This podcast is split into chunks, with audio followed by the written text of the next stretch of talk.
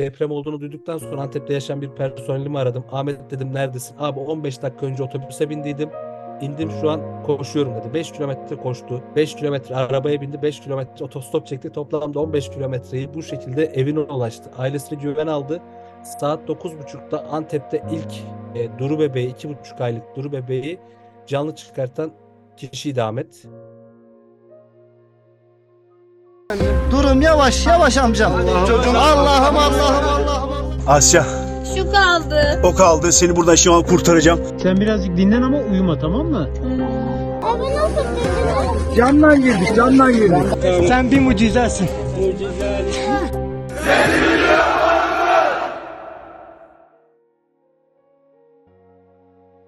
Evet bir podcast serisi yapıyoruz ve bu podcast serisinde depremi yaşayanlarla konuşuyoruz. Bu bölümümüzde de İHH e, bir sivil toplum kuruluşu olarak ilk andan itibaren bölgede olan kuruluşlardan bir tanesiydi. Biz de İHH'nın afet yönetiminden sorumlu yönetim kurulu üyesi Ömer Kars'la birlikteyiz. Ömer hoş geldin.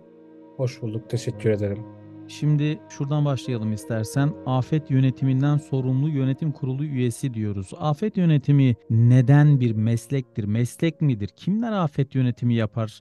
Önce buradan başlayalım istersen. Çünkü ülkemizde belki de afetler gelene kadar çok fazla önemsenmeyen, meslek anlamında çok fazla bilinmeyen bir meslek dalı da aynı zamanda bu afet yönetimi, e, afet çalışmaları yapan, arama kurtarma çalışmaları, ekipler, Bunlar üzerine biraz konuşalım. Daha sonra da depremin yaşandığı ana gitmek istiyorum. Ee, o, orayı da konuşacağız tabii ki. Önce dilersen buradan başlayalım. Afet yönetimi nedir? Neden Ömer Kars afet yönetiminde çalışıyor? Şimdi öncelikle İHA İnsani Yardım Vakfı'nın kuruluşundan bu zamana kadar çalışma alanlarından bir bahsedelim. İHA insani yardım alanlarında çalışma yaptı. İnsani diplomasi de yaptı. Ee, insan hakları alanında çalışmalar yaptı. Ee, yıllarca biz afetler alanında da bir çalışma yürütüyorduk. Ee, üç başlık adı altında yürüttüğümüz çalışmalara dördüncü başlık olarak da afet yönetimini ekledik 2020 yılı itibariyle. Geriye dönüp baktığımız zaman İHA olarak biz bütün afet sahalarında ulusal uluslararası bütün afet sahalarında bir afet yönetimiyle ilgili birçok alanda çalışma yürütüyorduk. 2008 yılına geldiğimizde 2008-2009 yılında bir acil yardım arama kurtarma birimi kuruluyor öncelikle İHA Yardım Vakfı'nda. Başlangıç olarak arama kurtarma ile ilgili süreci buradan alıyoruz. Daha sonra 2009'dan sonra arama kurtarma çalışmalarına devam ederken afetin yaşandığı yerlerde ekiplerimiz arama kurtarma çalışmaları yanında aynı zamanda insani yardım çalışmaları ve diğer afetle ilgili çalışmaları yürütüyorlardı. Bu süreç e, İHA İnsani Yardım Vakfı'nda 2020'ye kadar arama kurtarma olarak devam ediyor. Arama kurtarma üzerinde bir teşkilatlanma süreci başlıyor. E, günümüze geldiğimizde 72 ilde 1947 eğitilmiş arama kurtarma gönüllüsüyle çalışma yürütüyoruz. 2020 yılında Elazığ depreminde Türkiye Afet Müdahale Planı'nın işletilmesiyle birlikte, çok ciddi bir şekilde işletilmesiyle birlikte bizim de İHA olarak sahada yaptığımız çalışmaları bir bütünleşik afet yönetimiyle toparlamamız gerektiğine inandık. Yani bu nedir? İHA olarak sahaya indiğimiz zaman arama kurtarma çalışması yapıyoruz. İnsani yardım çalışması yapıyoruz, beslenme çalışması yapıyoruz, psikososyal destek çalışması yapıyoruz, barınma çalışması yapıyoruz. E, afet sonrası da iyileştirme çalışmaları yapıyoruz. Afet öncesi sırası ve afet sonrası müdahale çalışmalarında bulunuyoruz. Baktığımız zaman aslında biz bir afet yönetiyorduk. E, bunu dedik ki evet burada bir bir takım birimler bu çalışmaları yürütüyordu. Bu birimlerin üstüne bir birim getirerek Afet Yönetimi Başkanlığı kuruldu. Afet Yönetimi Başkanlığı'nın altında 15 çalışma grubu oluşturuldu. Ee, az önce saydığım gibi işte operasyon yönetimi çalışma grubu, beslenme çalışma grubu, arama kurtarma çalışma grubu, psikososyal destek çalışma grubu. Afet meydana geldiği andan itibaren daha doğrusu hazırlanan planlarla bu ilgili çalışma grupları, İHA İnsani Yardım Vakfı'nın afet yönetiminden sorumlu çalışma grupları, afet öncesi, sırası ve sonrasında yapacağı çalışmaları bir planlama haline getirdiler. Çünkü afete önceden hazırlanmamız gerekiyor ki sıfırıncı dakikaya geldiğimizde hızlı bir reaksiyon alalım. Daha sonra da müdahale süreci gerçekleştikten sonra da afet sonrası iyileştirme çalışmalarında neler yapabiliriz? Bunun planlamasını afet esnasında değil, afetten önce hazırlamamız gerekiyordu. O Evet, yüzden sevgili Ömer Kars, araya girip sana şunu soracağım. Şimdi ben seni daha önceden de tanıyorum. Onun için sana Ömer diye isminle hitap ettim. Öncelikle dinleyicilerimize de tekrar bunu hatırlatmış olayım.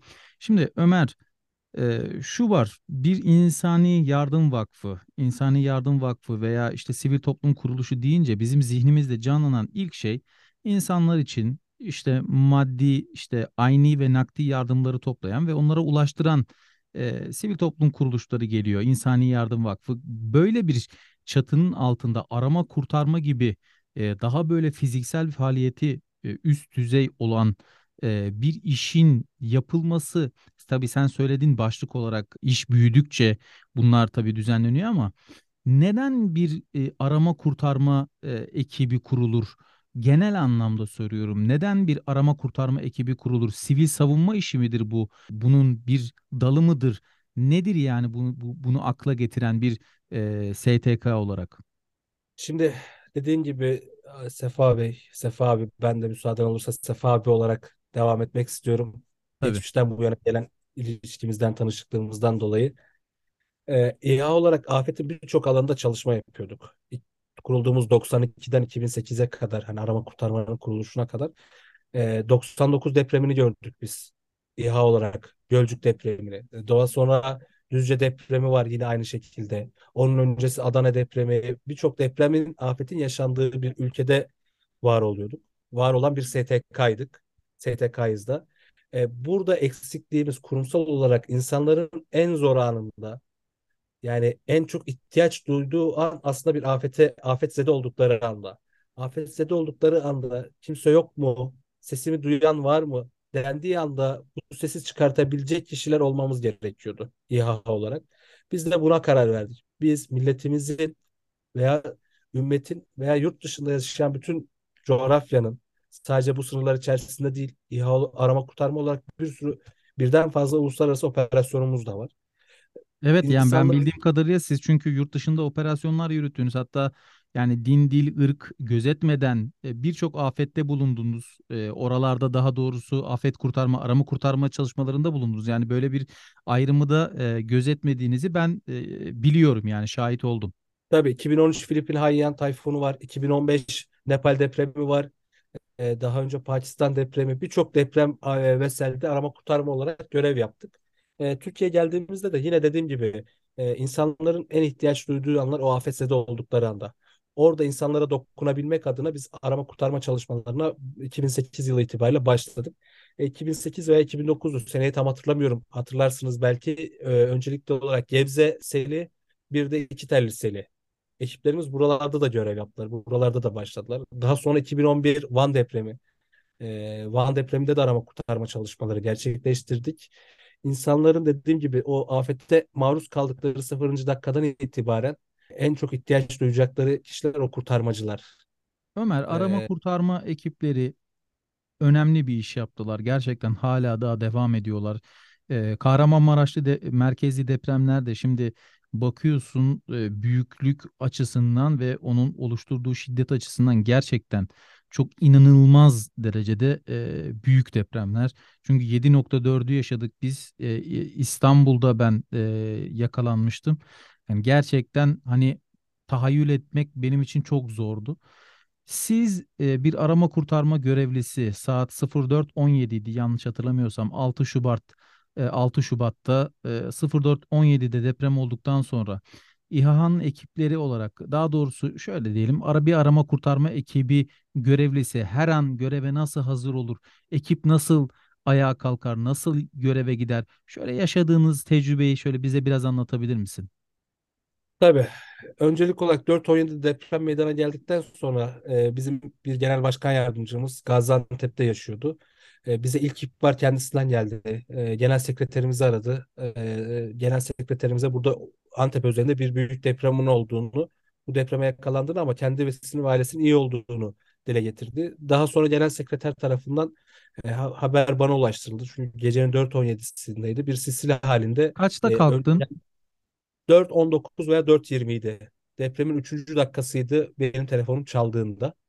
Ee, bana Antep'te deprem olduğunu, Yakup Bey'in iyi olduğunu, e, bununla ilgili çalışmalara başlamam istendi genel sekreterimiz tarafından.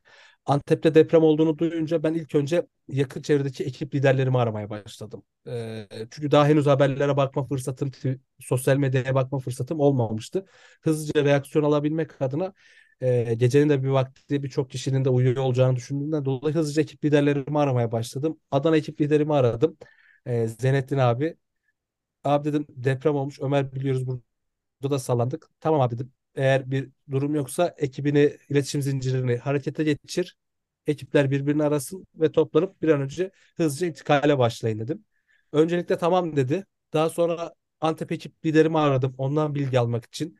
Ee, Yaşar abi sağ olsun. O da açtı. Ulaşabiliyordum o an ona da. Ömer dedi ben de iyiyim. Ailem iyi. Evi terk ediyoruz şu an. Dediğim anda 6.4'lük bir artçı deprem oldu. Ee, bu depremin ardından Zeynettin abi bana dönüş yaptı. Adana ekip liderim. Dedi ki Ömer burada da yıkım var. Abi dedim siz orada kalın o zaman. Hızlıca e, arama kurtarma bölge koordinatörlerimi uyandırdım. Dedim ki dört bölge koordinatörüm var. Hızlıca ekiplerinizi teyakkuza geçirin. Bunlar Birden fazla. dakikalar içerisinde, saniyeler içerisinde oluyor değil mi hemen? Tabii. Tabii. Hızlıca yani 4.45'te e, 4.50 idi. E, hiç abartmıyorum burada. Saat 4.50 idi. Malatya'da bir tane kendi personelim vardı. E, arama kurtarma personelim. Hızlıca 4.17'de deprem oldu. 4.57'de Afat İl Müdürlüğü'nde Acil Durum Afet Yönetim Merkezi'ne ulaştı. Malatya'daki depremin etkisini öğrenmek için. 4.50'de Malatya'da çalışmalara başladı.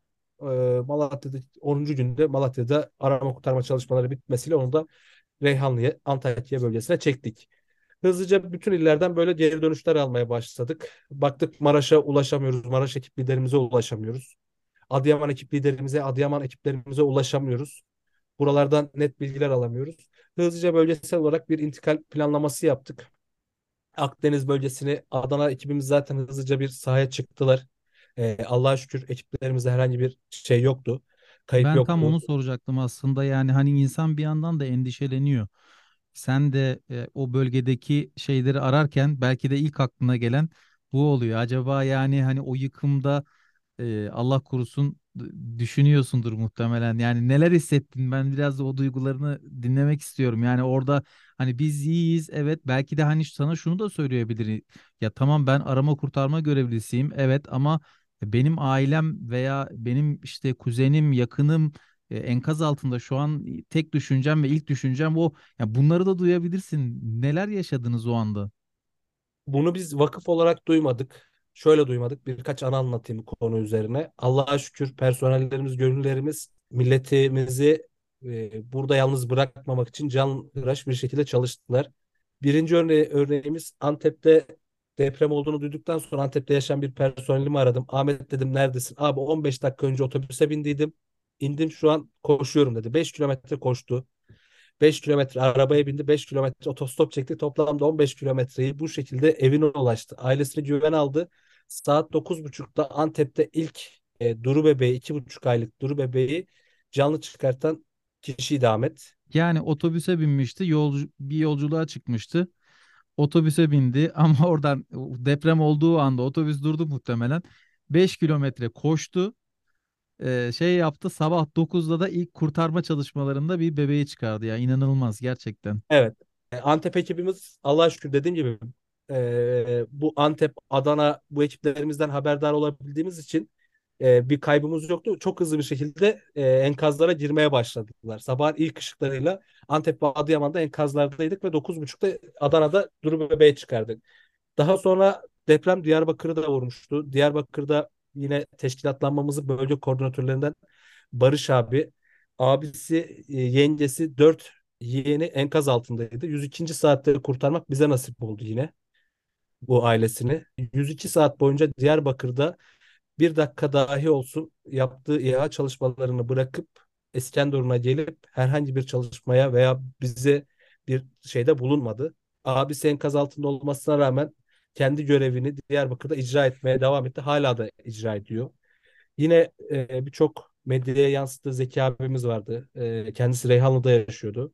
Antakya'ya hızlıca sabah gitti. E, enkazın başına geldiğinde annesinin ve babasının yaşadığı binanın yıkıldığını gördü.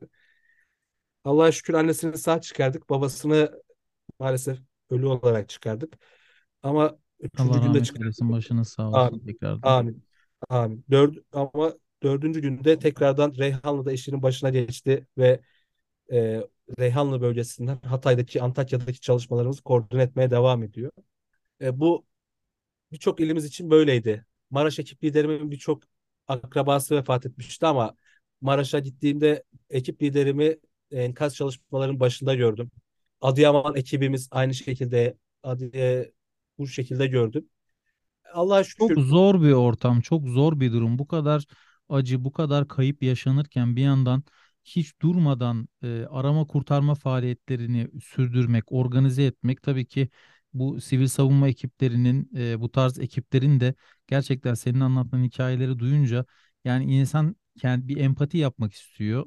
E, tabii ki hani kendisinin yerine koymak istemeyeceği durumlar var ama empati yapmaya çalışınca da şunu düşünüyorsun. Gerçekten hani orada bir ekip yönetiyorsan, bir şey yapıyorsan, bir arama kurtarma faaliyeti yapıyorsan gerçekten bunlar çok böyle bu kelimenin e, rahatsız edici şekilde kullanıldığını düşündüğüm için kahraman kelimesini kullanmak istemiyorum ama gönüllü ifadesi e, bana e, daha doğru geliyor.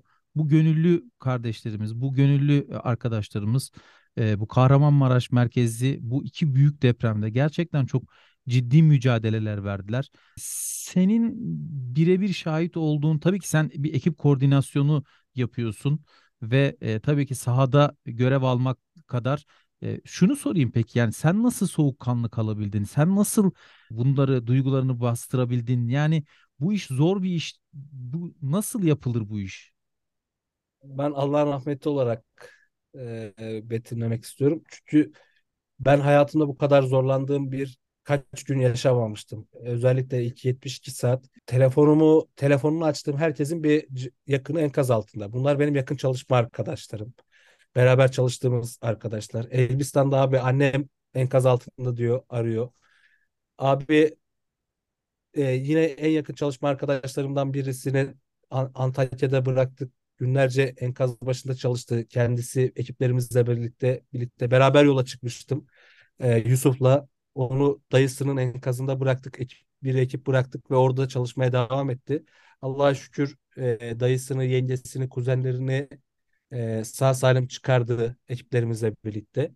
Ama senin anlattığına göre e, yani hiçbir öncelik vermiyorsunuz şeylere işte bizim ekibimizden birisinin bir şeydir diye. Sıra gelince gidiyorsunuz. Yani bu da çok bambaşka bir durum. Bu da bu da bu da bir arama kurtarma şeyinde öncelik nasıl belirleniyor onu da bilmiyorum. Ee, çok böyle tartışılan bir şey olduğu için onu sormak istemiyorum zaten ama anlattın zaten. Yani kendi ailesi, kendi akrabaları, kendi yakınları enkaz altında başka bir yerdeyken kendi ekibini bırakmadan bölgesinde şey yapıyor. E, bir yandan da sen orada koordinasyonda e, bazı kararlar vermek durumunda kalıyorsun. E, bunun vermiş olduğu belki duygusal bir yük, duygusal bir sorumluluk da var.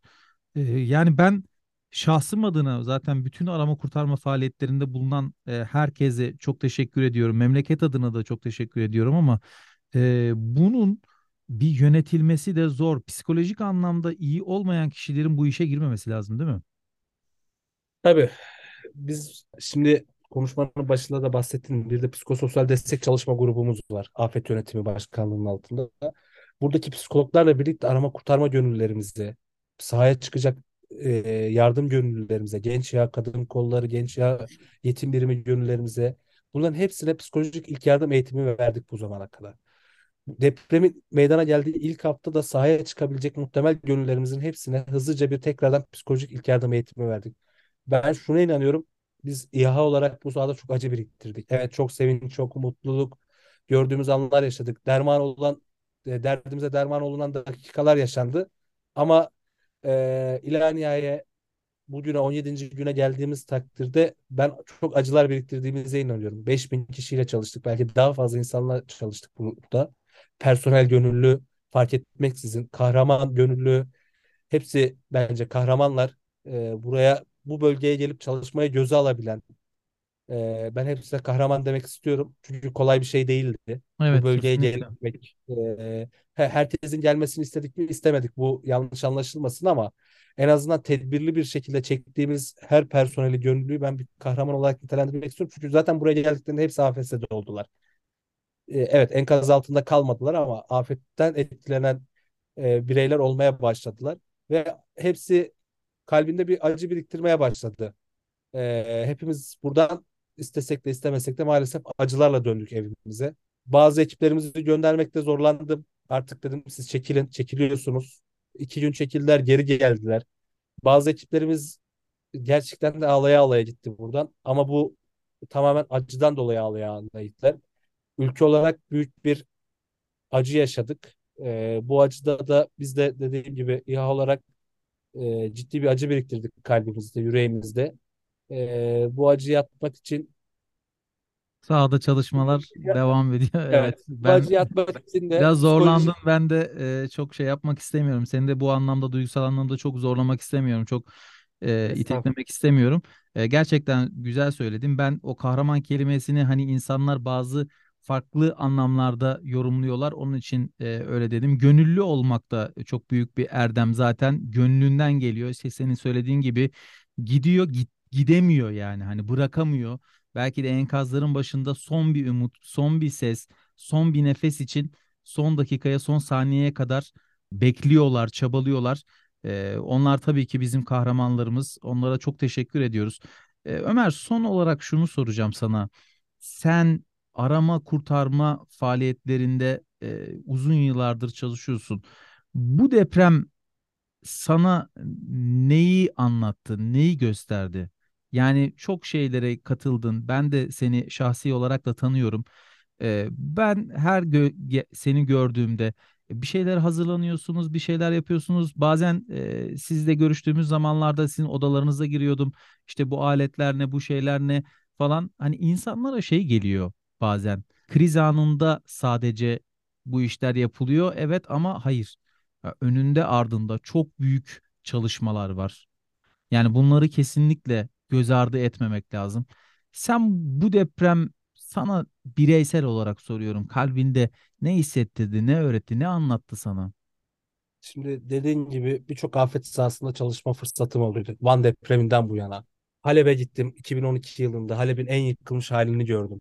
Daha sonra İzmir depremi, Elazığ depremi, birçok sel, orman yangınları, Nepal depremi, Pakistan sel, ulusal uluslararası birçok afet sahası gördüm. Ee, ama bur- burada Malatya, Adıyaman, Maraş, Antep hepsini hemen hemen gezdim. Ama Antakya'ya girdiğimde Antakya'nın geldiği konumu gördüğümde gerçekten de bunu birkaç gündür e, herkesle konuşuyorum. Ya ben Antakya'yı ilk gördüğümde anlatacak kelimeler bulamadım. Antakya'da deprem olmuş hissine kapılamadım ben. Antakya'da yaşadıklarımdan sonra, o gördüklerimden sonra. Bundan dolayı sadece deprem çalışmasıyla anlatılabileceğimiz, irdeleyebileceğimiz bir konu değildi Antakya. Malatya'ya gittiğinde evet burada bir deprem olmuş. E, ikinci afetler yaşanmış. Yani Malatya, Adıyaman hepsini dolaştığımda derdim ki, diyorum ki evet bizim toplumsal olarak afetle yaşama kültürüne alışmamız lazım. Afetle afet farkındalığımızı arttırmamız lazım. Çünkü ülke olarak herhangi bir coğrafyamız yok ki herhangi bir afetin yaşanmasın. Doğusundan batısına, kuzeyinden güneyine kadar her bölgemizde dönemsel olarak bir afetle karşılaşıyoruz vatandaşlar olarak. Bu yüzden günlerce bunu konuşuyordum, düşünüyordum. Daha sonra Antakya'ya vardığımda dedim ki ya buradaki sadece afetle, afet çalışmasıyla, arama kurtarma çalışmasıyla adlandırabileceğim bir konumlandırma değil. Burada vatandaşlarımızın toplumsal olarak tamamen yaşam standartları, yaşam e, olgularını değiştirmemiz gerekiyor. Yani bu depremin zaten Maraş, Pazarcık depremi olup en büyük yıkımı e, Antakya'da vermesi başlı başına başka bir olgu. Buraya toparlayacak olursam dediğim gibi benim buradan aldığım dersler öncelikle zaten senin de dediğin gibi biz bugün hazırlanmadık bu depreme veya depremlere anında hazırlanıp müdahale etmedik. Deprem öncesi geçen sene 75 bin 80 bin kişiye farkındalık eğitimi vermişiz. E, 2000'e yakın bizim arama kurtarma eğitimli gönüllümüz var. Alt- 70 küsur ilde teşkilatlanmış çalışmalarımız var. Biz bu deprem öncesi hazırlığımızı 2008'den bu yana, 2020'den bu yana afetle ilgili, arama kurtarma ile ilgili yapıyoruz. Müdahale çalışmamızı, iyileştirme çalışmalarımızı yapıyoruz ama afet öncesi yapmamız gereken çalışmalara birinci öncelik her bireyin, bu topraklar içerisinde yaşayan her vatandaşın, her bireyin en azından bir hafif arama kurtarma, bir afet farkındalık eğitimlerini çok ciddi bir şekilde alması gerektiğine inanıyorum. İlk yardım eğitimi, temel ilk yardım eğitimini farkındalık olarak değil ilk yardım eğitimini kesinlikle almaları gerektiği için gerektiğine inanıyorum. Bunun için daha fazla çalışmak istiyoruz İHA olarak. Çünkü o anda Hatay'a dedim ya ya sadece toplamda e, sayıyı hatırlamıyorum ama 100 bin kişi gibi bir rakam vardı. Arama kurtarma çalışmalarına katılan. Biz 100 bin kişiyi aynı anda Hatay'a belki Antakya'ya müdahale ettirsek ettirseydik belki ancak Antakya'ya yetebilirdik. Ama biz 100 bin kişiyi 10-11 ile dağıtmak zorunda kaldık. Çünkü çok büyük bir yıkındı. O yüzden bu toplumda, bu ülke içerisinde yaşayan her vatandaşın bu durum ihtiyaç olduğunda bu şekilde müdahale edebilecek, güvenli, tedbirli, kendinden emin şekilde müdahale edebilecek her vatandaşımıza ihtiyacımız var. Ee, Ama bana e, bilmeyenin de orada olmaması lazım değil mi? Bu da çok tabii önemli. Tabii abi ya ilk gün bak ilk günü biraz daha açayım ben sana. Sabah ben 7'ydi İstanbul'dan çıktım. Ankara'ya doğru yola çıktım. Her yer kar zaten. Ankara'dan sonra arkadaşları yolculadım. Ben Ankara'da AFAD Başkanlığa geçtim. E, diyorlar ki trafik kilit nur şeyde Niğde otobanında. Hem kar var hem kaza var hem de çok fazla sivil araba var. Depremin olduğu ilk andan itibaren herkes hem deprem bölgesinde hem de deprem bölgesine doğru çok ciddi bir sivil akışı oldu. Bu bizim müdahale sürecimizi çok ciddi süre e, e, şey zaman ile- ileri yaptı. Çünkü trafik oluşturuldu. E, ikinci gün müydü? Tam hatırlamıyorum. Üçüncü günde olabilir. Gaziantep'e giriş valilik tarafından kapatıldı. Çok doğru bir hareketti. Çünkü dışarıdan Antep'e doğru çok ciddi bir yığın var ve Antep'in içerisine kilitliyor. Reyhanlı'dan Antakya'ya varmamız iki iki buçuk saat sürdü trafikten dolayı. O yüzden bu sadece hal, içerideki halkın yaptığı oluşturduğu trafik değildi. İlk günden itibaren yardım tırlarının hızlıca bölgeye sevki, e, daha sonra e, insanların bireysel araçlarıyla bölgeye gelip kendi akrabalarını çıkarmaya çalışmaları, tahliye etmeye çalışmaları bizim toplumsal olarak dediğim gibi bireysel olarak fark, afet farkındalığını arttırmamızdaki en önemli sebep bu. Soğukkanlı davranıp kimin nasıl hareket etmesi gerektiğini planlamamız gerekiyor. Yani afet oldu ama eğer biz insanları afet esnasında insanları yönetemezsek afeti de yönetemeyiz. Çünkü burada afetten sonra ikinci krizi çıkartacak olanlar bu kalabalık gruplar oluyor. Evet belki de afet yönetimi dediğimiz zaman ilk başlıklardan bir tanesi. Bunda işi, işin koordinasyonu o da çok önemli. Senin de söylediğin gibi. Evet yani çok e, acı bir olay yaşadık. E, çok üzücü bir olay yaşadık. Şu anda arama kurtarma faaliyetleri e, genel anlamda belki bitme noktasına geldi. Depremin üzerinden 17 gün geçti. Tabii e, Hatay'da da hemen geçtiğimiz günlerde yine bir deprem oldu. E, orada da yine bölgedeki arkadaşlarımızla sürekli konuşuyoruz. Sürekli irtibat halindeyiz. E, yine arama kurtarma faaliyetleri devam ediyor. Bir yandan yardım faaliyetleri devam ediyor. Afetler çok e, gerçekten ülkeleri, toplumları, e, milletleri çok zorlayan ama bir anlamda da e, birleştiren şeylerden bir tanesi e, afet sonrasında göstermiş olduğumuz da daha doğrusu sosyolojik reaksiyondan bahsediyorum. Ömer sana teşekkür ediyorum. Gerçekten zor günler yaşadınız. Belki uykusuz günler yaşadınız. Uykusuz günler geçirdiniz. E, senin nezdinde tabii ki sen bir STK'nın nasıl bir çalışma yaptığını bize az çok anlattın, gösterdin.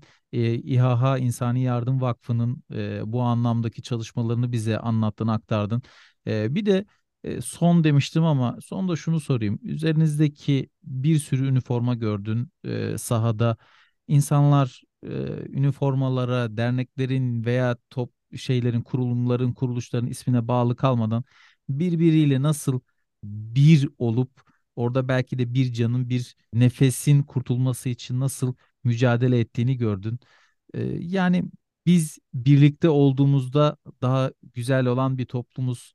E, bu mesajı da e, senin vermeni istiyorum az çok. E, en nihayetinde siz kendi ekiplerinizle çalıştınız ama e, maalesef maalesef üzülerek ifade ediyorum ki çok ciddi anlamda burada da sosyal medyada dezenformasyonlar e, yapıldı. İşte X kurum, X kuruluş, X STK e, şöyle yaptı, böyle yaptı. O onun işte arama kurtarmasına müdahil oldu fa- e, gibi. Yani hani böyle aslında çok da açmak istemediğim konular bu podcast'in içerisinde ama son olarak sana da şunu söyleyeyim. Sen sahada e, ekipleri koordine ettin. Yani bir kişi bir kişiye bir su getirirken bile ne kadar hassas olduğunu az çok biz bölgedeki arkadaşlarla konuşurken gördük. Sen bu anlamda böyle bir birliktelik anlamında ne gördünüz, ne yaşadınız? Onunla ilgili bir şey söylersen öyle bitirelim programımızı. Öncelikle şuraya da değinmek istiyorum. Biz TİKA ile 2019 yılında Bosna Hersek'te bir projeye başladıydık. Bosna Hersek'te STK'ların arama kurtarma kapasitelerini geliştirmeyle ilgili. Depremin olduğu üçüncü günde bu Boston Hersek'te eğitim verdiğimiz ekip Türkiye'ye geldiler. Bir hafta boyunca arama kurtarma çalışmalarında bizle beraber çalışma gerçekleştirdiler. Bu eğitimin aynısını Lübnan'da ve Kuzey Irak Erbil'de gerçekleştirdik. Buradaki ekipler de geldi bizle çalıştı. Birçok farklı STK ile çalıştık burada. Gönüllüyle, bağımsız gönüllülerle çalıştık, bireylerle çalıştık. Ben şunu gördüm sahada, ekiplerimde, ekiplerimizde, diğer STK'larda sosyal medyadaki dezenformasyon sahaya yansımadı. Ki yansımaması için de çok uğraştık. Sosyal medyadaki tartışmaları defalarca bunu e, canlı yayınlarda da dile getirdim. Yani buradaki ekiplerin motivasyonunu kırmayın. Bu adamların, burada çalışan kahramanların en fazla motiva en çok motivasyona ihtiyaç duydukları anlardayız. Çok ciddi çalışmalar gerçekleşiyor. Birçok video gördünüz. İnsanların başında dumanlar çıktı, şey derecelerde çalıştılar. Enkazın altında depreme yakalandı bu adamlar. Sosyal medyadaki kavganızı araziye taşımayın. Ki arazide de bu kavgayı görmedik. Daha önce İzmir'de de oldu bu. İzmir depreminde de. Sosyal medyada tonlarca kişi kendi arasında tartışma gerçekleştirdi. Ama İzmir'de de sahada bizim yaşadığımız herhangi bir dezenformasyonun karşılığını biz sahada görmedik. Burada da aynı şekildeydi. Maraş'ta, Adıyaman'da yani hangi ille ilgili olursa olsun sosyal medyadaki tartışmanın arama kurtarmacılara dahi e, yansımasını biz görmedik. E, zaten birçok kurum Yanlış yönlendirme hariç değil mi? yanlış yönlendirmeden kastın abi. Yani dezenformasyon sahaya yansıma dedin ya maalesef bazı dezenformasyonun bazı kısmı da böyle yansıdı. Çünkü yanlış yönlendirmeler, yanlış adres vermeler Tamam. işte Orası orası da farklı bir konu. Teyitsiz bilgileri atmak. Yani teyit edilmemiş bilgiler orada da çok ça- çakıştık, çarpıştık. Ama zaten depremin ilk anında atılan ihbarlara, enkaz ihbarlarına çoğuna ben öz- özel olarak kendi kurum adına söyleyeyim. Yani ilk etapta bulduğumuz enkazlardan çıkarmaya çalıştık. Yani evet. gelen dedim ya ya Zaten gözünüzün önünde çok büyük bir yıkım Evet vardı yani. yani zaten e, ve 1507 kişiyle müdahale ediyoruz 10 farklı bölgede. Bunun 600 tanesi Antakya'da çalıştı. Ya bir ekibi alıp başka bir enkaza gönderme gibi bir şey gerçekleştiremiyordum. E, bunların vardiyalı çalıştırmam gerekiyor. Bunların shiftleri dönüyor kendi arasında. E, çünkü 30. saat, 36. saat olmuş dinlenmeyen personel var. E, bir yerden sonra onun dinlenmemesi hem kendine hem ekibe hem de kurtarabilecek kişiye zarar. O yüzden bu shifti de döndürmemiz gerektiği için bu e, teyitsiz bilgiler en sıkıntı olduğu an aslında ikinci, üçüncü depremdi. E, Samandağ depremiydi. Bir anda depremin olmasıyla yüzlerce binlerce şey geldi, ihbar geldi. Burada da biraz daha bunları e, bir önceki depremde de yaşadığımız için daha tem- temkinli davranmaya başladık. Biz olası depremin olasılığının yüksek olduğu bölgeye Samandağ'a iki ekip çıkardık. Defne'ye bir ekip çıkardık. Antakya'da da bir ekibimiz vardı. Sahada kendi keşif çalışmamızı gerçekleştirdik. Yaptığımız keşif çalışmasında da bu bölgelerde herhangi bir sıkıntı yaşamadığımız için gelen teyitsiz ihbarlara bu şekilde dönüş yaptık. E, Burada vatandaşlarımızın hep aynı konuya geri dönüyoruz. Bu aslında farkındalık ve bilinçlendirme çalışmasıdır. Kendilerini teyit etmediği bir ihbarı herhangi bir ekibe yönlendirmek buradaki çalışmanın önüne geçecek, onu yavaşlatacak bir çalışmadır. Ee, buna mümkünse e, biz vesile olmayalım. Bütün ihbarlarımızı 112'de Katılıyorum. toplayabiliriz açıkçası. E, bu ihbarları 112 alıyor, değerlendiriyor, ilgili kurumlara, koordinasyon kurumlarına iletiyor. Koordinasyon kurumlarından tekrardan geri dönüyor e, sahaya. O yüzden bu konuda evet bir yanlış yönlendirmeler olmuş olabilir. Ama ben şuna inanıyorum birçok ekip kendi çalıştığı enkazı bırakıp başka bir enkaza gitme fırsatı bulamadı. Yani hiçbir şehirde 3-5 tane enkaz yoktu. Her şehirde onlarca 15 belki yüzlerce enkaz vardı.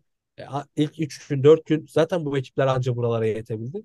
İlk oradaki yanlış yönlendirmelerde de dediğim gibi yine sosyal medyada dönen, kendi içimizde dönen tartışmalardı dezenformasyonun çoğunluğu ben en azından sahadan gördüğüm sahaya çok fazla inmediğiydi. Allah'a şükür ilmedi. Çünkü buradaki arkadaşlar 100 bine yakın arama kurtarmacıdan bahsediyoruz belki veya toplamda çalışan bunun arama kurtarmacı olması gerek yok. İş e, dozeri olsun, kepçesi olsun, vinci olsun. Burada çalışanlar da bence birer kahraman. Çok onlar da çok çile çektiler. Çok, çok emek verdiler. Saatlerce beklediler. Saatlerce çalıştılar. Günlerce belki uyumadılar onlar da. Uyudukları yer belki kullandıkları aracın koltuğunda sadece uyuyabildiler. Ee, o yüzden Allah yardımcımız olsun. Allah bizlere bir daha böyle büyük bir afet yaşatmasın. Evet, İnşallah. çok teşekkür ediyorum. İHA Afet Yönetiminden sorumlu yönetim kurulu üyesi Ömer Kars bizlerle birlikteydi. Bu podcast yayınını yapmak gerçekten benim de belki de e, çok zorlandığım yayınlardan bir tanesi oldu. Ülkece çok büyük bir acı yaşıyoruz. İnşallah atlatacağız ve yaralarımızı beraber saracağız. Milletçe beraber olarak sahada ilk günden itibaren görev yapan işte Ömer Kars gibi e, onun bağlı bulunduğu sivil toplum kuruluşları gibi birçok kuruluş, yüzlerce kuruluş yani irili ufaklı belki de çok da medyada ismini duymadığımız e, birçok kurum ve kuruluş da e, sahadaydı. Mehmetçik de yine sahadaydı. Madencilerimiz sahadaydı. Yani kahramanlarımızın hangisini e, söylesek belki de eksik kalır. Onun için tüm çalışma yapan herkese çok teşekkür ediyoruz. E, Ömer'in de söylediği gibi Allah bir daha böyle büyük acılar bize yaşatmasın. En önemli şey de e, afet öncesi bilinçlenme. E, belki de burada da e, yine görev bizlere düşüyor. E, bu konuyla ilgili de daha bilinçli olmak ve e, sahada neler yapabiliriz bunu da önceden bilme anlamında eğitimlerini almak, bunlara ulaşmak, bilgilere ulaşmak artık çok da zor değil. Ben yayını burada sonlandırıyorum. Tekrar milletimizin, ülkemizin başı sağ olsun. Tekrar hepimize geçmiş olsun.